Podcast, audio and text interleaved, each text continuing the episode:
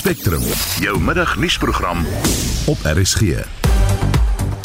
In vandag se program die polisie beloof streng optrede in Riverlea suid van Johannesburg waar onwettige mynbedrywighede inwoners in vrees laat leef. Our focus is to ensure law and order is restored in this particular area. We cannot have a situation where communities live in fear. We are going to deal decisively with these criminals. Die staat sal moet geld vind om die mediese fonds van die Suid-Afrikaanse nasionale weermag te red en Frankryk begin met ontruiming uit uh, Niger. Die span in die ateljee se redakteur Nicoline de Wee, produksieregisseur Johan Pieterse en ek is Susan Paxton.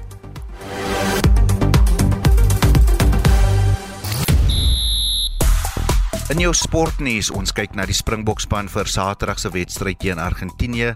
By die FIFA Sokker Vroue Wêreldbeker kan Banyana Banyana môre geskiedenis maak en ons gaan maak ook 'n draai by die Netbal Wêreldbeker en kyk na môre se wedstryd tussen die Proteas en die wêreldkampioen Nieu-Seeland. Nou ondersoek deur die mededingingskommissie het bevind dat sekere aanlyn platforms die mark oorheers. Dis ten koste van plaaslike sakeondernemings. Nou wil ons by jou weet, verkies jy aanlyn platforms bo winkel toe gaan of word jou onderneming dalk geraak hierdeur? Om oor al hierdie kwessies te kan praat, eh, stuur vir ons 'n SMS na 45889 teen R1.50 per boodskap of stuur vir ons 'n WhatsApp stemnota na 0765366961 is 0765366961 en vertel jy vir ons wat dink jy uh, verkies kies jy 'n aanlyn platform? Met ander woorde as jy dinge koop op 'n aanlyn platform of wil jy winkels toe gaan of word jou onderneming dalk hierdeur geraak? Stuur vir ons 'n boodskap Dis in bykans 6 minute oor 12 en spesiale fokus sal op KwaZulu-Natal geplaas word wat betref teen renosterstropery inisiatiewe. Die departement van omgewingsake sê dit is duidelik dat renosterstropery tans daardie provinsie teiken en 231 renosters is in die eerste 6 maande van die jaar gestroop. 42 is die nasionale kreer wildtuin gestroop en 143 in KwaZulu-Natal. Die minister van Bosbou, Visserye en Omgewingsake, Barbara Krisi sê dit is egter duidelik uit die jongste statistiek dat die stropery tendens wel besig is om effe af te neem. There's been an 11% decline in poaching in comparison with the same period last year, which amounts to uh, 231 animals that that were killed in the first six months of this year. I think that while it is a, a, small decline, I think the thing that really is concerning is this move away from the Kruger National Park to poaching in provincial and private reserves. And uh, what we saw was that while only 42 rhino were killed in the Kruger National Park, there were 46 rhino killed in privately owned reserves and 143 in provincially owned reserves. Krisis sê die grootste probleem wat stropery aanbetref is tans in Gluwi Umfolozi Nasionale Park. They definitely are targeting Gluwi Umfolozi. And we have been working quite closely with KZN, Izimvelo Wildlife Authority. We've set up a joint operations center which facilitates the deployment of the South African Police Service to Tlhahluwi Mfolozi. We've made available 40 million rand to repair the boundary fence. And we've also been working closely with the National Prosecuting Authority to facilitate a designated prosecutor to deal with cases in KZN.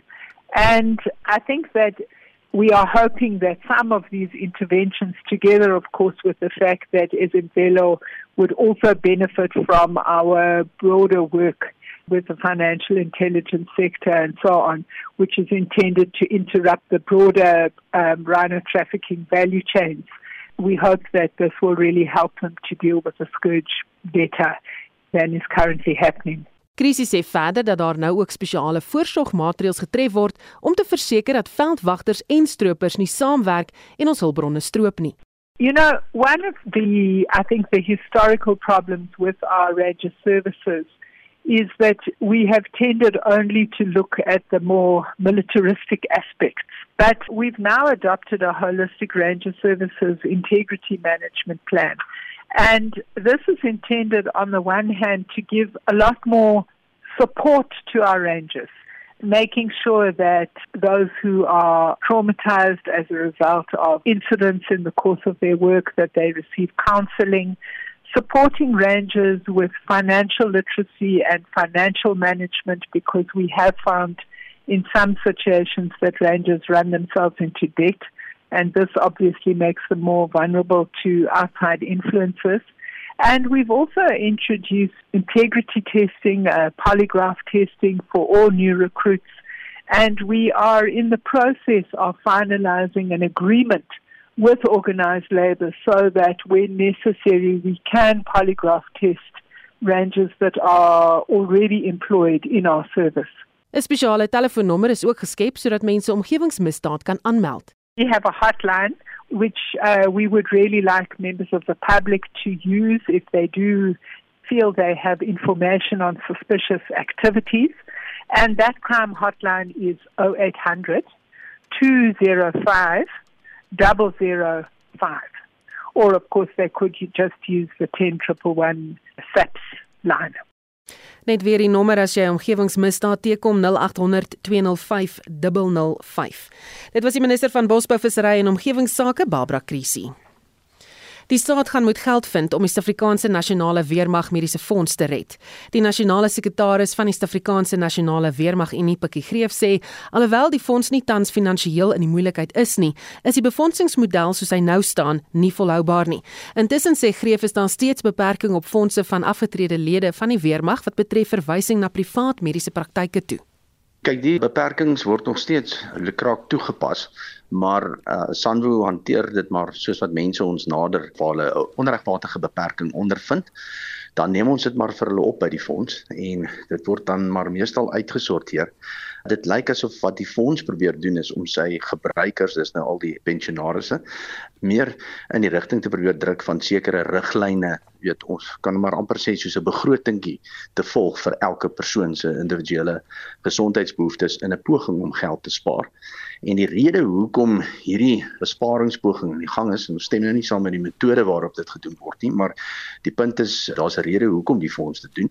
En die rede is maar dat die bydra model, die befondsingsmodel van hierdie fonds wat befonds word deur minimum bydraes van uniformdraende lede, was destyds in die 60s so opgestel met die veronderstelling en dit so natuurlik hoe dit toe was dat militêre hospitale, militêre siekeboë en installasies 100% funksionerend is en glad nie privaat verwysings hoef te doen vir enige prosedures nie. Nou ja, dit is natuurlik nie meer die geval nie met die weermag se begrotingsprobleme het die hospitale agteruit gegaan, die siekeboë is 50% van hulle kapasiteit werd op hierdie stadium en dit lei daartoe dat hierdie afgetredelede al hoe meer uitverwys moet word. En so die ou befondsingsmodel van 'n minimum bydrae gaan nie meer kostigbaar wees nie en die gevolg sal wees dat een manier om die befondsingsvlakke van hierdie fonds terug te kry sodat hy privaat sorg aan pensionaars kan verskaf gaan wees om soldate geweldig baie meer te laat betaal. Ons praat van soos R10000 per lid. Nou dis natuurlik glad nie haalbaar nie en ek dink 'n mens moet ook net hier byvoeg dat die staat het definitief die bal laat val. Die staat het die verantwoordelikheid om hierdie fonds aan die gang te hou en dit is die staat en nie die soldate nie wat die geld gaan moet vind om hierdie fonds volhoubaar te maak in die toekoms. Want ek wou net vir vra daar is nou hierdie gerugte onderlede dat die fonds is bankrot, daar is nie geld nie, maar dit is nie waar nie. Nee, die fonds is nie bankrot nie. Die fonds het amper 'n biljoen rand in beleggings, maar natuurlik 'n mens wil nie jou beleggingsgeld dag tot dag operasies nie. En so die lede se bydrae en die uitgawes wat die fonds het per maand breek min of meer gelyk. Nou dis nie 'n goeie situasie om in te wees nie. Die ideaal sou natuurlik wees dat 'n mens meer inkomste het as wat jy uitgawes het. Maar ja, die fonds is nie bankrot nie, maar as ons nie dringend iets aan die toekomstige befondsing gaan doen nie en daarmee sluit ons uit as 'n unie verhogings deur dienende lede. As die staat nie dringend iets gaan doen nie en ingryp nie en ons praat van 'n bedrag soos byvoorbeeld wat die aktuariërs vir ons gewys het, 7 miljard rand word benodig net om 'n pleister op hierdie wond te plak sodat die fonds vir die volgende dekade lewensvatbaar kan bly. En dit was die nasionale sekretaris van Sanwo Pikkie Greef. Die mededingingskommissie het in sy finale verslag oor sy markondersoek na aanlyn platforms bevind dat sekere aanlyn platforms die mark oorheers. Die platforms wat ondersoek is sluit in Google, Takealot, Booking.com, asook Uber Eats en Mr D. Die verslag het onder meer bevind dat die dominante gedrag 'n negatiewe impak op kleiner ondernemings het en eh, Marlies het vir ons 'n storie daaroor. Die ondersoek wat in 2021 begin is, is gedoen om markdominansie in die e-handelssektor te verhoed. Dit was die eerste aanlyn mark ondersoek op die vasteland en eerste verslag wat op die gewysigde mededingingswet geskoei is. Doris Tsepo is die kommissaris van die mededingingskommissie. What the Act requires us to do, and was important as you will see uh, um, in, in this market inquiry, is to have regard to the impact of the adverse effect of competition of small and medium enterprise businesses on the market and firms that are owned or controlled by historically disadvantaged persons. It should also consider features which affect the ability of national industries to compete in international markets. Die verslag strek oor meer as 200 bladsye. Die aanlyn reus Takealot is as 'n markoorheerser in die e-handelssektor uitgewys. James Hodge is die mededingingskommissie se hoofekonoom. On platform competition, Takealot does also impose the so-called narrow price parity. which prevents those marketplace sellers from pricing lower on their own direct channel. It doesn't impose a wide parity. Um, and, and much like Booking.com, we require that Take a Lot, in fact, removes that price parity clause and informs its marketplace sellers of that. While while Takealot does operate a beneficial marketplace for many sellers, thousands of sellers, it also trades extensively itself through Takealot Retail. and this does create the the kind of conflict of interest. Hodge het 'n reeks aanbevelings gemaak om te verseker dat die aanlyn omgewing meer kompeterend is. Takealot is required to segregate its retail division from its marketplace operations and to appoint um, executives for both roles. And it's then furthermore to prevent its retail division and services from accessing seller data, marketplace seller data that provides them an advantage in competing against those that use the platform and who have invested substantially in the innovation and discovery of products that that would benefit consumers. Die verslag is aan die minister van Handel, Nywerheid en Mededinging, Ibrahim Patel oorhandig. Die minister het die verslag verwelkom en onderneem om op te tree. Across the world, governments are grappling with the need for a new policy framework appropriate to these new sectors. The challenge we all face is how to retain the dynamic benefits of competition in network industries that are often predisposed to concentration and monopoly.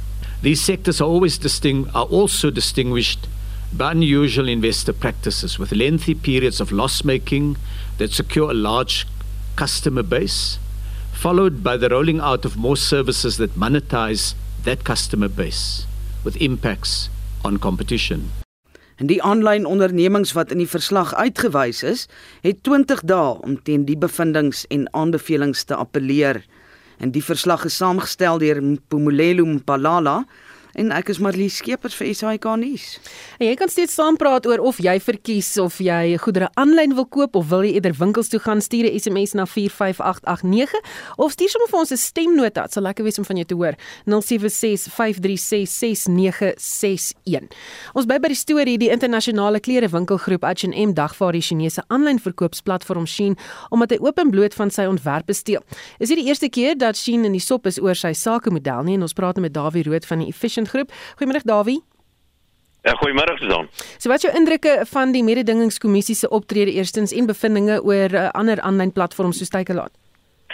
Ja, wel die eerste punt wat ek dink belangrik is is dat die ek dink die mededingingskommissie is heel of die mededingingskommissie uh, is heeltemal verkeerd in hulle besluit. Uh dis die aard van besigheid wat uh, dit herinner nogal aan die 1970s toe toe gewone supermarkte so groot begin word het en van die kleiner winkeltjies net eenvoudig verdwyn het. Op die ou end is die grootste werklike wenners met hierdie groot besighede is maar net is die verbruiker, ek en jy. En dan word kort kort opmerkings gemaak dat hierdie hierdie besighede tree onkompeterend op en dis presies wat besighede doen. As 'n besigheid nie onkompeterend optree nie, dan gaan net eenvoudig nie verder bestaan nie. En uh, baie van hierdie besighede moet eenvoudig groot wees want dan gaan jy werklik waar die voordele van die monopolie van of die die voordele van van skaal-ekonomie kry. Skaal-ekonomie beteken dat dat ons die verbruikersgoeder baie goedkoper kan kry. So ek dink die optrede van die mededingingskommissie is heeltemal verkeerd en natuurlik soos gewoonlik is dit nie net 'n geval van dat hulle besluite neem uh, oor oor besigheid nie, baie keer is daar ook sosiale en politieke politieke doelwitte wat hulle daarmee saamstel wat, en wat dit nog moeiliker maak uh vir ons as die verbruiker om goed uh, goedere goedkoop te kry. Ek dink dis 'n verkeerde besluit op die ount is ons, ek en jy die verbruiker, die mense wat die meeste voordeel hier uit kry. Hmm. Wat is die impak van hierdie internasionale verkoopplatforms um aanlyn op ons plaaslike markte? Wel natuurlik het dit 'n baie groot impak. Eh, dit het dit het tot gevolg inderdaad dat kleiner besighede bankrot gaan. Dit het inderdaad tot gevolg dat baie besighede wat nie kan kompeteer hiermee nie, selfs groter besighede, net eenvoudig nie meer kan bestaan nie. En die gevolg daarvan is natuurlik onvermydelik ook dat ons 'n verlies het aan werke in Suid-Afrika en dit lei tot werkloosheid, maar dis die aard van 'n vrye ekonomie. 'n Vrye ekonomie het on, onge, ongelukkig is dit die, die realiteit van 'n vrye ekonomie dat besighede gaan tot nul en nuwe besighede kom tot stand. En hier is 'n nuwe besigheid wat tot stand gekom het, 'n nuwe tipe van besigheid wat konstant tot stand ge, gekom het. En dit is so 'n besigheid veronderstel is om te werk. Uh laat dit vo, voortdurend ontwrigtend moet wees, want op die ou end is dit soos ek hoeveel keer al gesê tot voordeel van die verbruiker lekker op die ou uit. Hmm. Is daar 'n rede dat die plaaslike pryse, jy weet, duurder is en hierdie internasionale platforms ja. dit goedkoper kan maak? Maar daar's baie redes. Een van is natuurlik dat die internasionale platforms byvoorbeeld nuwe tegnologie gebruik, hulle die kry die voordeel van skaal byvoorbeeld. So daar's baie van daardie tipe van redes hoekom hulle baie goedkoper kan wees. Maar daar's 'n klomp redes hoekom Suid-Afrika uh, so goed uh, nie baie maklik daarmee kan kompeteer nie. Afgesien van die tegnologie wat hierdie ouens gebruik, is Suid-Afrika 'n besondere onkompeterende omgewing. Ons het byvoorbeeld nie behoorlike elektrisiteit nie. Ons het byvoorbeeld nie behoorlike paaie nie. Dit is byvoorbeeld baie gevaarlike plek om besigheid te doen. Dit alles laai koste op plaaslike besighede en maak dit nog moeiliker om ons uh, om internasionaal te kompeteer. So in steede daarvan dat die minister van handel uh beperkings op besigheid probeer stel, wat hulle eerder behoort te doen is om 'n baie makliker en 'n meer besigheidsvriendelike omgewing in Suid-Afrika daar te stel sodat hierdie ouens kan kompeteer met hierdie groot internasionale besighede. So die groot fout eintlik, ek dink dink ek, het 'n grootliks te doen met die regering wat nie doen wat hulle veronderstel is om te doen. Baie dankie, dit was Dawie Rood van die Efficient Groep en steeds kan jy saamgesels oor wat dink jy? Koop jy aanlyn of uh, gaan jy maar eerder winkels toe en wat dink jy van hierdie hele kwessie sommer? Kan jy saamgesels? Jy kan vir ons 'n WhatsApp stuur, stemnota 0765366961 of jy stuur vir ons 'n SMS 45889. Onthou SMS se kos R1.50. Byna 70000 huishulpe het hulle werke die afgelope jaar verloor. Dis wat die maatskappy Sweep self wat huiswerkers aanstel bevind het. Daar's verskeie redes vir die werksverliese en Esie de Klerk het gaan uitvind hoekom. Dis die 6ste jaarlikse studie wat deur Sweep South gedoen word in die 2023 verslag oor huiswerkers se salarisse en werksomstandighede. Die hoofrede vir huishulpe wat hulle werke verloor, was dat werkgewers getrek het. Die bestuurende direkteur van die maatskappy, Luke Kannemeyer, sê daar was baie werksverliese onder huishulpe gedurende die COVID-pandemie tydperk, maar minder werkgewers het hulle huishulpe na die pandemie weer aangestel. Where we saw a number of registered domestic workers in the country sitting at around 1.2 million prior to COVID, that's now fallen below 800,000 this year. And where we see there, one of the expected reasons is one in four is due to affordability. But the other reason that we see accelerating is the number of jobs lost to employers moving home. So that's usually a semigration or an immigration trend, and particularly there, the number moving overseas. So the immigration trend has increased significantly to around 59% of the jobs lost. Kannemeyer sê sowat 6% van die huishulpe wat aan die studie deelgeneem het, het hulle werke verloor omdat hulle afgedank is. Die studie is onder 5500 huiswerkers in hoofsaaklik Kaapstad, Johannesburg en Pretoria, in hoofsaaklik middel- en hoë inkomste groepe gedoen. The clear thing here in terms of the trends that we're observing is that things are actually getting more and more difficult for domestic workers. And that is a proxy for what we see amongst the middle class because domestic workers earn a portion of their employer's salary. And so their conditions are usually a reflection of how their employers are doing. So this is where we see significant signals in our survey here that things across South Africa are getting worse and things like the electricity crisis and economic pressures and inflation are having a significant impact Hy sê talle huiswerkers het aangedui dat die meeste werkgewers wel alles moontlik probeer doen om te verseker dat huiswerkers nie hulle werke verloor nie. Maar wanneer die finansies regtig knyp, dan eerder te versoek dat huishulpe minder dae per week of slegs halfdae moet werk. But also what we see with many domestic workers is that jobs uh, are generally for multiple employers And so many there have lost some of their employment, and that's also put their earnings under pressure because what you have is this phenomenon of underemployment coming through. And so, you know, someone who may have had someone five days a week now has them three days a week, and, you know, someone may decrease the number of hours. And so that has that difficulty of where people are uh, paying above minimum wage, but on an hourly basis.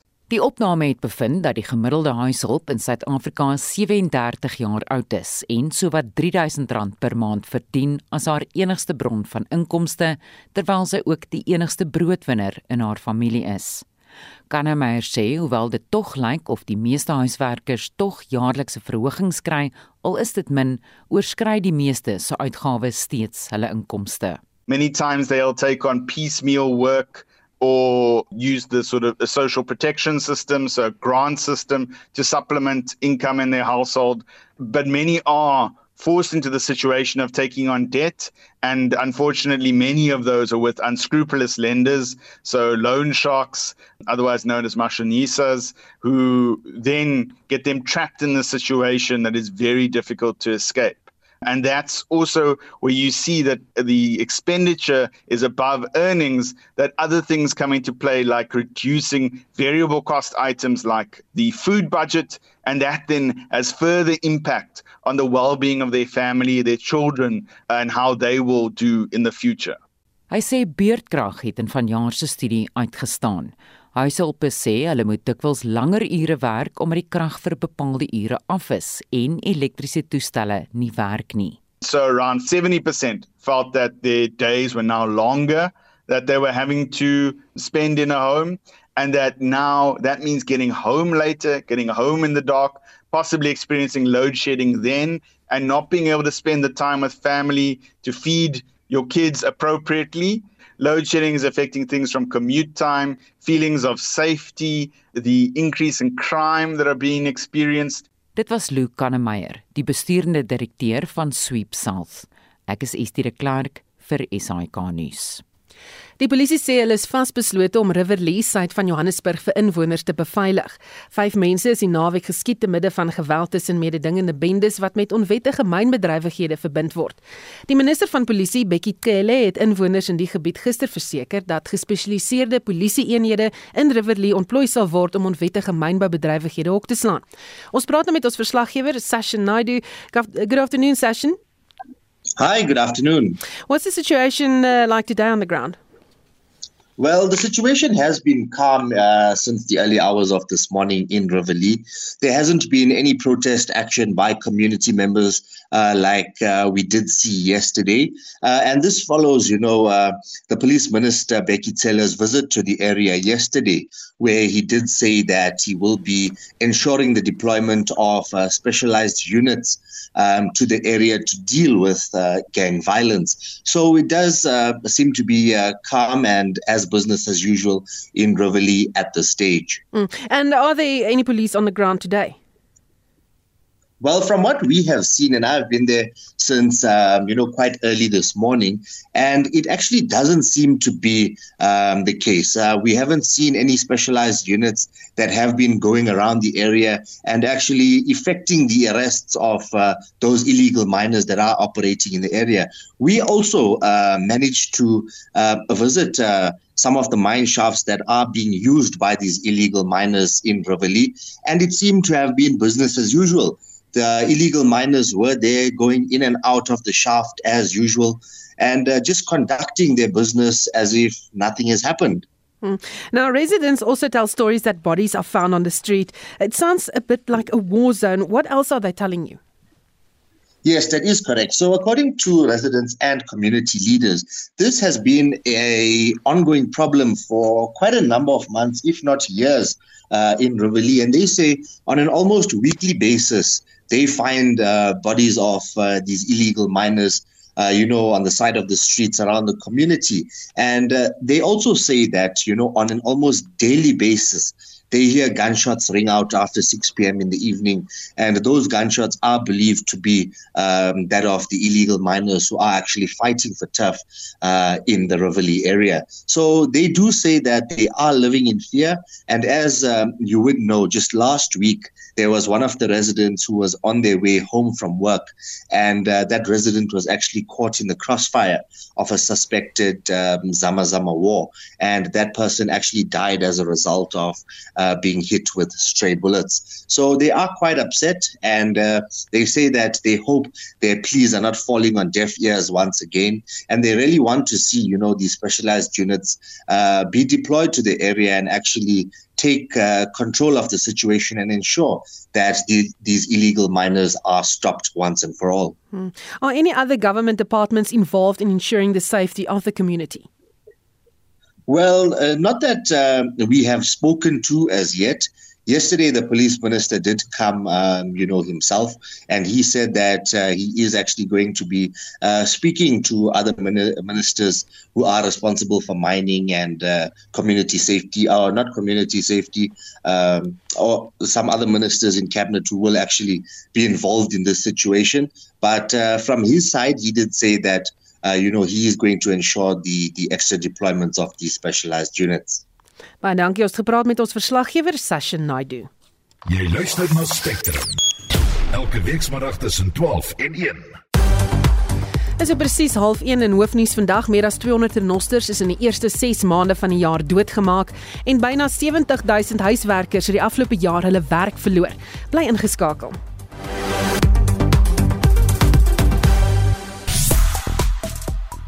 Nou ja, ek sien op sosiale media praat die meeste mense oor die hitsmerk Senzo Miwa trial. Dis natuurlik aan die gang op die oomblik. Ons het gevra of jy aanlyn klere koop of wil jy uh, winkels toe gaan en 'n uh, luisteraar wat sê dat ehm um, aanlyn aankoop, ek koop aanlyn want ek bly in die platte land en aanlyn winkels maak my keuse baie wyd. En uh, die persoon sê ek koop ook by Shein die klere, is baie bekostigbaar. Ek stem saam met Dawie, die regering moet vir plaaslike besighede 'n kompeterende ekonomie gee sodat hulle pryse kompeterend kan wees. Dis CC vanaf die Oos-Kaap. Uh Opportunities wat sê nee, met al die misdaad op en al die kriminele op straat is dit veiliger om aanlyn te koop vanaf my huis. En dan sê uh Martin van Pretoria dis interessant dat Martin dit oplet. Hy sê my vrou is mal daaroor om aan die klere te te vat. So ek vermoed die gevoel wat sy kry regverdig die prys. so so 'n bietjie van 'n klaag daar. En dan sê Leen ook nee wat aanlyn is veiliger, maar om 'n winkel te besoek is meer bevredigend. En Christa van Brits wat sê uh, ek verkies in 'n winkel koop was so, jy weet die geselligheid, die mense daar. Nou moeilik om aanlyn te koop want ons bly ver uit die dorp. Nou ja, jy kan sien saamgesels as jy wil. Sê vir ons of jy hou van aanlyn koop en of jy winkels toe wil gaan. 1233 marine bewaringsgebiede is ekonomies net so belangrik vir die land soos mynbou. Die hoeveelheid toerisme wat die gebiede na die land jaarliks lok is van onskatbare waarde vir die ekonomiese groei van die land.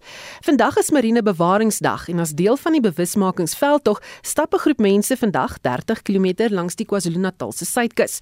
Deel van die groep is Marike Musani, direkteur van die Suid-Afrikaanse Vereniging vir Marine Navorsing by Ushaka. Ons praat nou met haar. Goeiemôre Marike.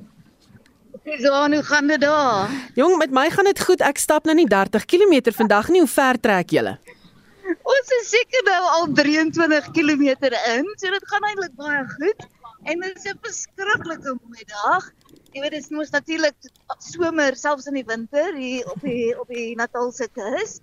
En die see, die golwe is verskriklik groot. So dis lekker. Weet, dis 'n groot gerasie agter ons, maar dis baie mooi. Dis hmm. heerlik. Waar presies stap julle vandag? Weet jy, ons het besluit om 'n bietjie aandag te te gee aan die die Allowell Shoal um, marine bewaar area. So ons het begin onder by Kelso, so die, die suidpunt van hierdie area en ons stap tot heel bo, so die hele lengte van die bewaringsarea. En dis 'n deel wat baie min mense gebruik om met ons te kyk of iemand sien. Dit is regtig ongelooflike kuslyn.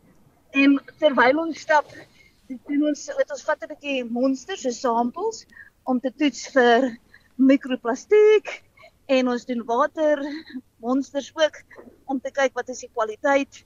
En later in die week gaan ons ook optimis op al ons Maar ek Marika, jou sein wil so 'n bietjie weggewaai of weggespoel word daardeur die golwe, so miskien moet dalk net so 'n bietjie stadiger stap. Ehm um, ja. ho hoekom is die bewaring en bewusmaking van die dag so belangrik? Weet jy wat is eintlik 'n uh, om om net ehm um, mense te laat besef dat ons wel die oseaan moet oppas dat die oseaan baie waarde dra aan aan ons almal. En um, van verskillende aspekte. Weet ons kry kos uit die oseaan. Dis 'n ongelooflike plek vir rekreasie. Die oseaan is 'n hoofweg vir skepe. En maar daar is areas wat ons regtig moet bewaar sodat die oseaan en al die diere en die biodiversiteit hier kan wees nog vir vir vele jare vorentoe. So dis 'n internasionale plan eintlik om te kyk of 30% van die oseaan onder bewaring kan wees teen 2030. En in Suid-Afrika het ons nou al progressie gemaak en ons is seker nou by 5%. So daar's nog heelwat om te doen en hoe meer ons mense bewus maak van die voordele van hierdie areas, hoe beter. So dis maar jy jy kom met so so sien baie. Ja. Goed, ek gaan vir julle laat gaan dat jy verder loop want klink vir my dit gaan rof en ek dink is nogal swaar om dan hierdie sand te loop. Dankie Marike en dit is Marike Musa, die direkteur van die Suid-Afrikaanse Vereniging vir Marine Navorsing by Ushaka. Dit is 'n besige sportdag en vir meer besonderhede praat ons nou met Jody Hendriks. Goeiemôre Jody. Goeiemôre Susan. Nou by die FIFA Vroue Wêreldbeker is alle oë môreoggend op Banyana Banyana. In hul laaste groep G wedstryd waar hulle teen Italië te staan kom nou Desrael se span het nog 'n buitekans om vir die tweede ronde te kwalifiseer en sodoende geskiedenis te maak. Jy sal onthou dat hulle net net in hul eerste wedstryd teen Swede 2-1 in die doodsnike vasgeval het en toe 2-1 met Argentinië gelykop gespeel het. So ons hou duim vas vir ons nasionale vrouespan en hooplik, soos ek gesê het, kan hulle na die tweede ronde deurdring. Hmm. Die netbal wêreldbeker is ook aan die gang. Die Proteas doen tans redelik goed daar. Ja, gisterand in 'n eensydige wedstryd vir Trinidad en Tobago 69-28 in 'n fase 2 kragmeting geklop en hulle het vandag 'n afdag maar môre 'n moeilike wedstryd teen die wêreldkampioen Nieu-Seeland ook 'n terugslag vir die span met die ervare Lenies Potgieter wat weens 'n besering aan die toernooi onttrek het en sy word deur Oweto Nkobane vervang so ons twee vir nasionale vroue spanne beide môre by wêreldbeker wedstryde in aksie. En dan die groot storie van die dag, die boksspan vir Saterdag se wedstryd teen Argentinië word later bekend gemaak. Ja, om 5uur vanmiddag en om meer hieroor te praat, sluit Tinus van Staden sportredakteur by Rapport by my Antinus. Goeiemiddag. Regtig. Ja, so die 26 spelers tans in Argentinië. Ons het groot afwagting vir Jacques Ninaber se aankondiging vanmiddag, maar ek het so na die lys gekyk. Wie dink jy gaan die span aanvoer? Nie baie ervare spelers in die groep nie. Nee, ek wonder of hulle nie daar kan kyk in die rigting van iemand soos 'n Bongi en Bonambi nie. Dink Jacques Ninaber het voor van jaar in een of ander nuuskonferensie gesê dat Bongi, jy weet, is 'n kandidaat om ook een of ander tyd voor te dra. En ons weet ook hulle die bokke hou baie daarvan om soveel as moontlik spelers leierskap ervaring te laat opdoen. Uh, en dit is natuurlik ook goed vir die vir die uitbou van die span se se leierskap tipe. So ek dink Bongi is dalk 'n goeie kandidaat. Ja, ek sien Steven Kitsop kan ook 'n moontlike opsie wees, maar in my geld sal ook op Bongie wees. En dan 'n interessante los trio want 'n paar agste manne wat wat moontlik kan kans kry en dit uh, hier verwys ek na Evan Roos en ook Jasper Wiese wat in die groep is.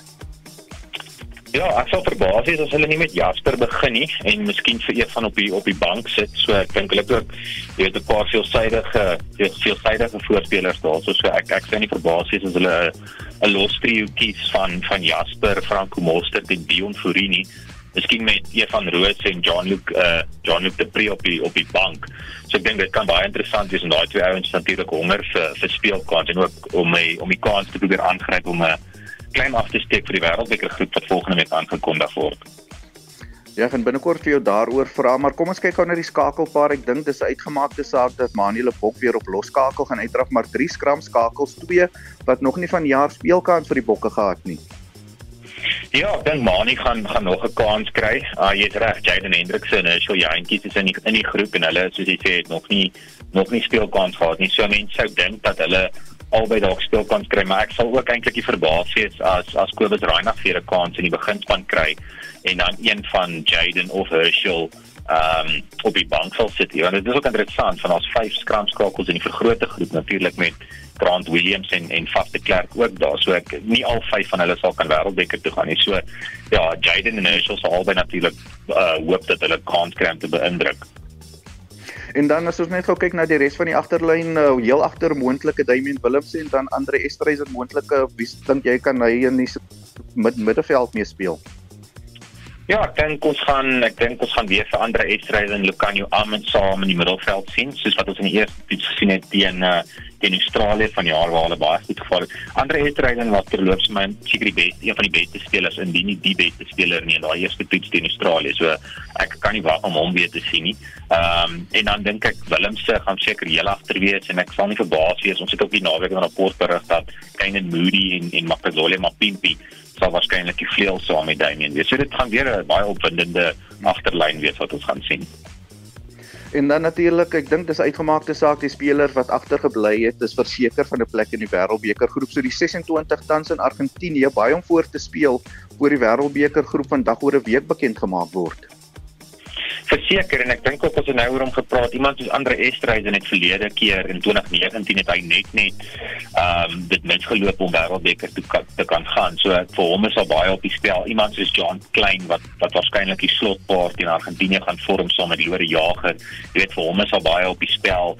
Selfs vir iemand soos Joseph Dweba ehm um, ek dink Dion Fourie. Ek trouens ek dink meeste van die spelers in hierdie groep. Kyk, daar is 'n paar wat verseker is van 'n plek soos Jasper Wiese, Damian Willemse, Makazole Mapimpi, Lode Jager, Bongi. Met daai ouens is verseker van hulle plek. Uh Kit uh, Kitsof en Koch. Uh maar vir al die al die ander ouens is daar eintlik verskriklik baie om voor te speel. Hierdie jaar kan hulle natuurlik ook bietjie meer spelers vat as in die vorige jare waar dit 33 is in in vergelyking met die 30 of ek dink tot 30 gewees die vorige keer. So daar is bietjie meer plek, um bietjie groter groepe, maar dit daar's ook ongelooflik baie mededinging omdat daar sien Erasmus en Jacques naby oor die laaste 4 jaar soveel diepte gebeur het. So daar's verskriklik baie op die spel vir die ouens in Argentinië. So die span word dan vanmiddag om uh, net na 5 bekend gemaak. Ek seker die brandpuntspan sal die luisteraars op hoogte. Baie dankie vir jou tyd en soos daarmee terug na jou in die ateljee. Baie dankie. Dit was Jody Hendriks wat vir ons die jongste sportnuus gegee het.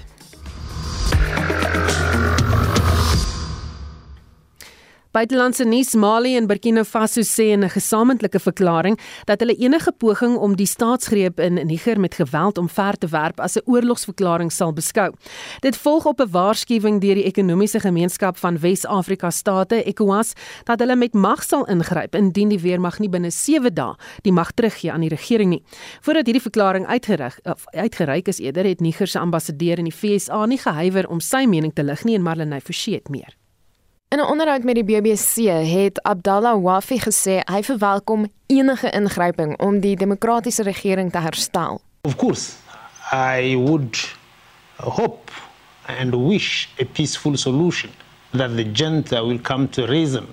But if that is not possible, I will not rule out any solution that will restore democracy in my country. Including a military? Absolutely, I, I will not rule out any solution because this junta in Africa comes to power by the force. They want to substitute force to election.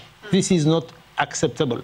Hy het uitvoerders van die staatsgreep vergelyk met militante terreurgroepe wat in sy woorde regeer omdat hulle die vuurwapens het. Die vraag bly egter, is dit die moeite werd om die weermag met mag te probeer verdryf? I am worried about anything that will create damage to my people. But if the choice is to the junta, they have to come back to reason. They have to realize that just because you have the bullets, because you have the arms, you are not ruling a country. If you want to rule a country, okay. you have to run in an election. Hy's ook gepols oor betogings ter ondersteuning van die staatsgreep in Rusland. If you know West Africa, if you know urban cities in West Africa, you have a lot of young people without jobs. Hmm. These people are easy to manipulate and to make demonstration. Demonstration are not a substitute for election.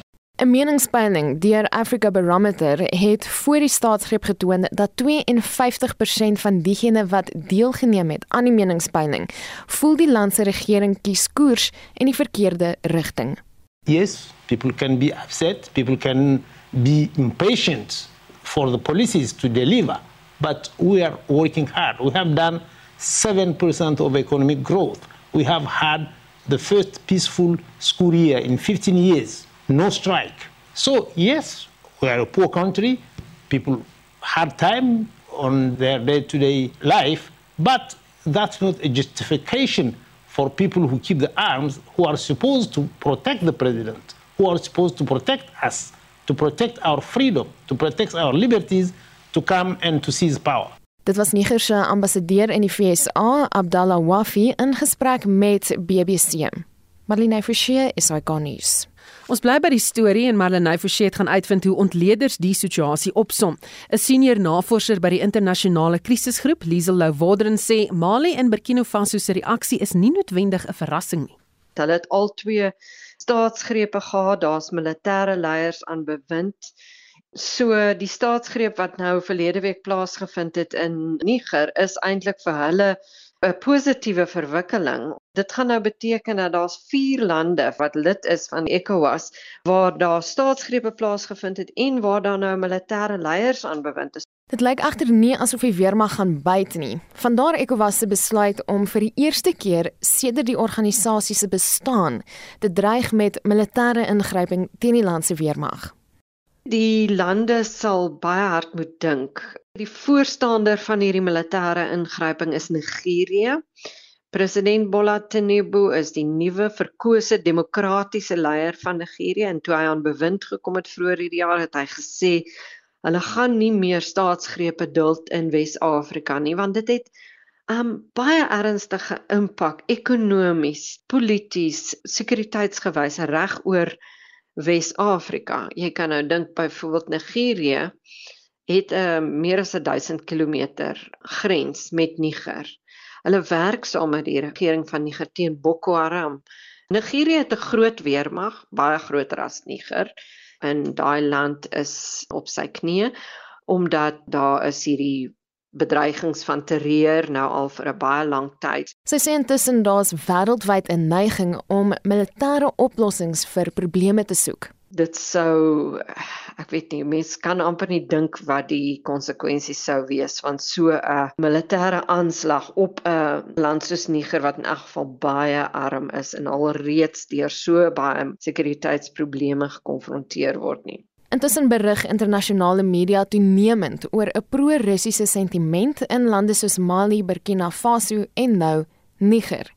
Hier is Willem Els, 'n senior opleidingskoördineerder van die Enact program by die Instituut vir Sekuriteitsstudies se mening. As mens kyk na die onlangse verlede, hoe Rusland oomblik is betrokke in al uh, vyf die streke van Afrika, sien dat daar 'n uh, eh, redelik uh, gerugte was dat hulle baie betrokke was in uh, Madagaskar.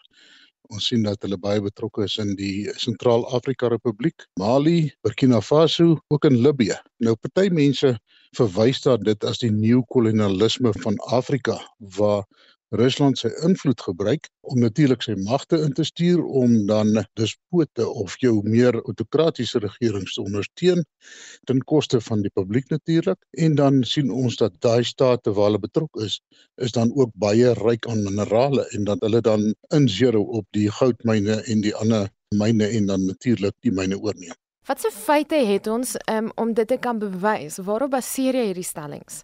Daar is uh, natuurlik uh, onlangse studies wat gedoen is wat uh, baie uitgebreid is wat na Wagner gekyk het. Ons kyk ook na persberigte in die konferensies wat aangebied on, onder andere byvoorbeeld Nugent wat nou die leier van Wagner is, het uh, na Niger se inval het hy die staatsgreep leiers geluk gewens en het ook hulle steun aan hulle toegesê. Hy sê saam met Lou Wodren dat militêre ingryping in Niger nie noodwendig vergesog is nie. ECOWAS staan natuurlik met sy rug teen die muur in terme van hoe hy staatsgrepe in Mali hanteer het en ook die staatsgreep in Burkina Faso waar hulle heel waarskynlik uh, of heel moontlik nou nie so sterk opgetree het soos wat hulle sou moes opgetree het of kon opgetree het as 'n streeks gesag nie. Dit is aan die een kant jou probleem so hulle word natuurlik nou opgedruk om sterker aksie te neem Ons kan ook vermoed dat vanaf die Verenigde Nasies daar verdere druk op hulle is om op te tree want natuurlik waar jy so 'n uh, oorlog het en so 'n onstabiliteit het, is dit op die einde van die dag die mense van die land wat die meeste ly ten koste van natuurlik 'n paar elite wat mag gegryp het. Dit was Willem Els, 'n senior opleidingskoördineerder van die Enact program by die Instituut vir Sekuriteitsstudies. Marlene Forsie, SAK nuus. En vir die jongste sake nie sluit Renier van Sel by ons aan. Hy's 'n portefeuljebestuurder by Efficient Private Clients. Goeiemôre Renier. Goeiemôre Susan. Ek hoop dit gaan met jou en ook met al die luisteraars. Uh as ons kyk hier na die markte, en ons uh, begin met die plaaslike mark, sien ons daar's nie veel wat die ligte uitskiet vandag nie. Die JSE is op met so 0.1%. Hy volg eintlik maar daai Chinese markte van vroeër vanoggend wat basies plat was. Ons weet ook natuurlik kyk beleggers vorentoe na Vrydag waar ons gaan werkloosheidssyfers kry uit Amerika en ook natuurlik die rentekoersbeslissing donderdag vanuit die Verenigde Koninkryk. En nou as ons kyk na die aandele op ons mark wat vandag die meeste beweeg en ons kyk eerstens na die verloders sien ons Telkom is laer met so 3.4%. Dit kom ten spyte van gister se resultate wat so klein kwetjie beter was as wat meeste verwag het. Hulle sukkel nou natuurlik nog steeds met load shedding, maar die aandelepryse het goed gedoen vanaf die 18de Mei. Dit's miskien net beleggers wat bietjie winste teruggee. En dan sien ons ook dat uh die Loos groep is laer met so 3.1%. Daar's ook wenners op ons mark, Supergroep is laer is hoër met 2.7%. Ons sien dat Alexander Forbes is hoër met so 1.8% op die oomblik. Nou as ons dan kyk wat die rand gedoen het van volgens se vlakke is hy laer op so R18.4 teen die dollar, hy staan teen 23.10 teen die pond en dan staan hy op die oomblik teen so 1980 teen die euro. Nou as ons kyk na ons kommoditeite, is die prys van goud 0.7% laer op 1955 dollars per fyn ons. Dan sien dat die prys van Brent ruolie uit lekker versterk die laaste ruk. Hy staan op 85 dollars 51 per vatjie Brent.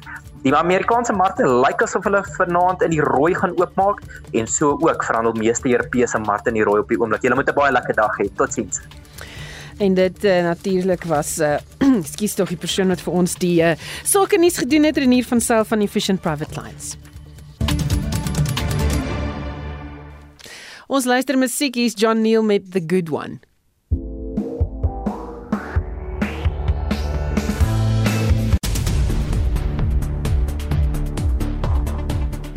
Marlies Skeepers het vir ons uh, die nuus dopgehou en sluit nou by ons aan in die ateljee. Goeiemiddag weer eens Marlies. Die ATM vra die waarnemende openbare vra dat die waarnemende openbare beskermer advokaat Kuleka Galeka as 'n kandidaat vir die posisie gediskwalifiseer word. Dit volg na haar Palapala verslag waarin daar bevind is dat president Cyril Ramaphosa nie strydig opgetree het met sy amp in die hantering van die diefstal nie. Die ATM het hom ook tot die hof gewend om die verslag te laat hersien. Galeka neem in die posisie waar na die skorsing van advokaat Posisiwe Mqwebane. Die party se woordvoerder, Zamanchona, voer aan dat sy sommige bewyse geïgnoreer het. We see her actions as what we call patronage. You scratch my back, I scratch your back.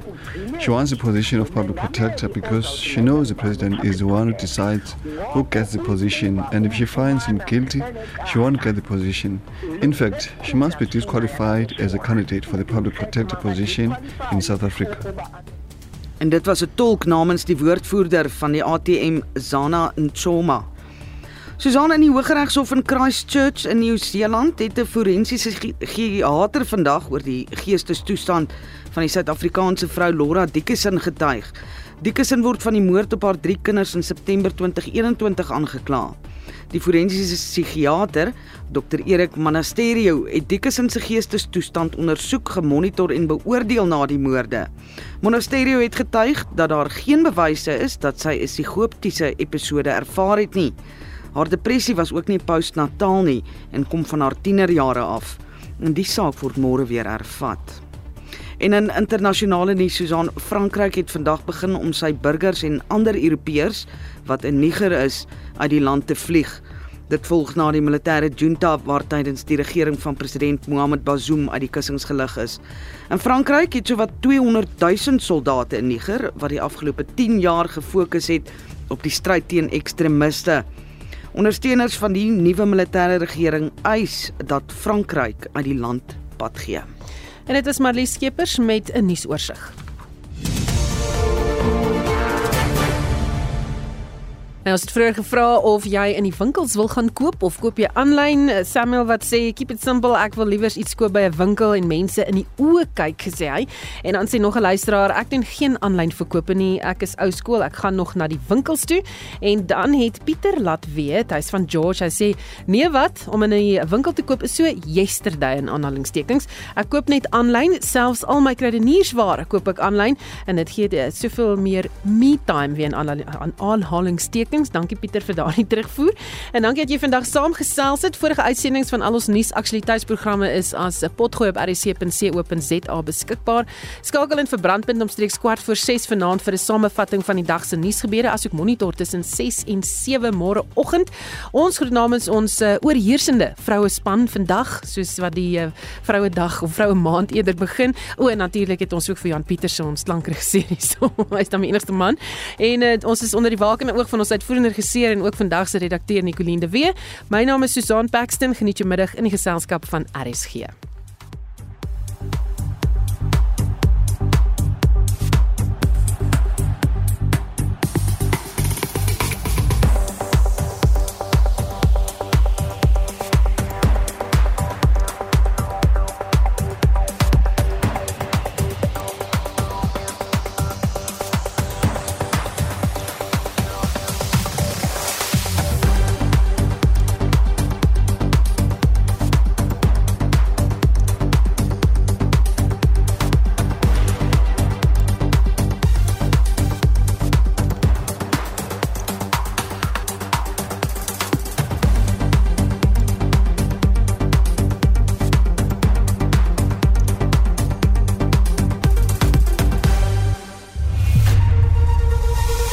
SAK nuus.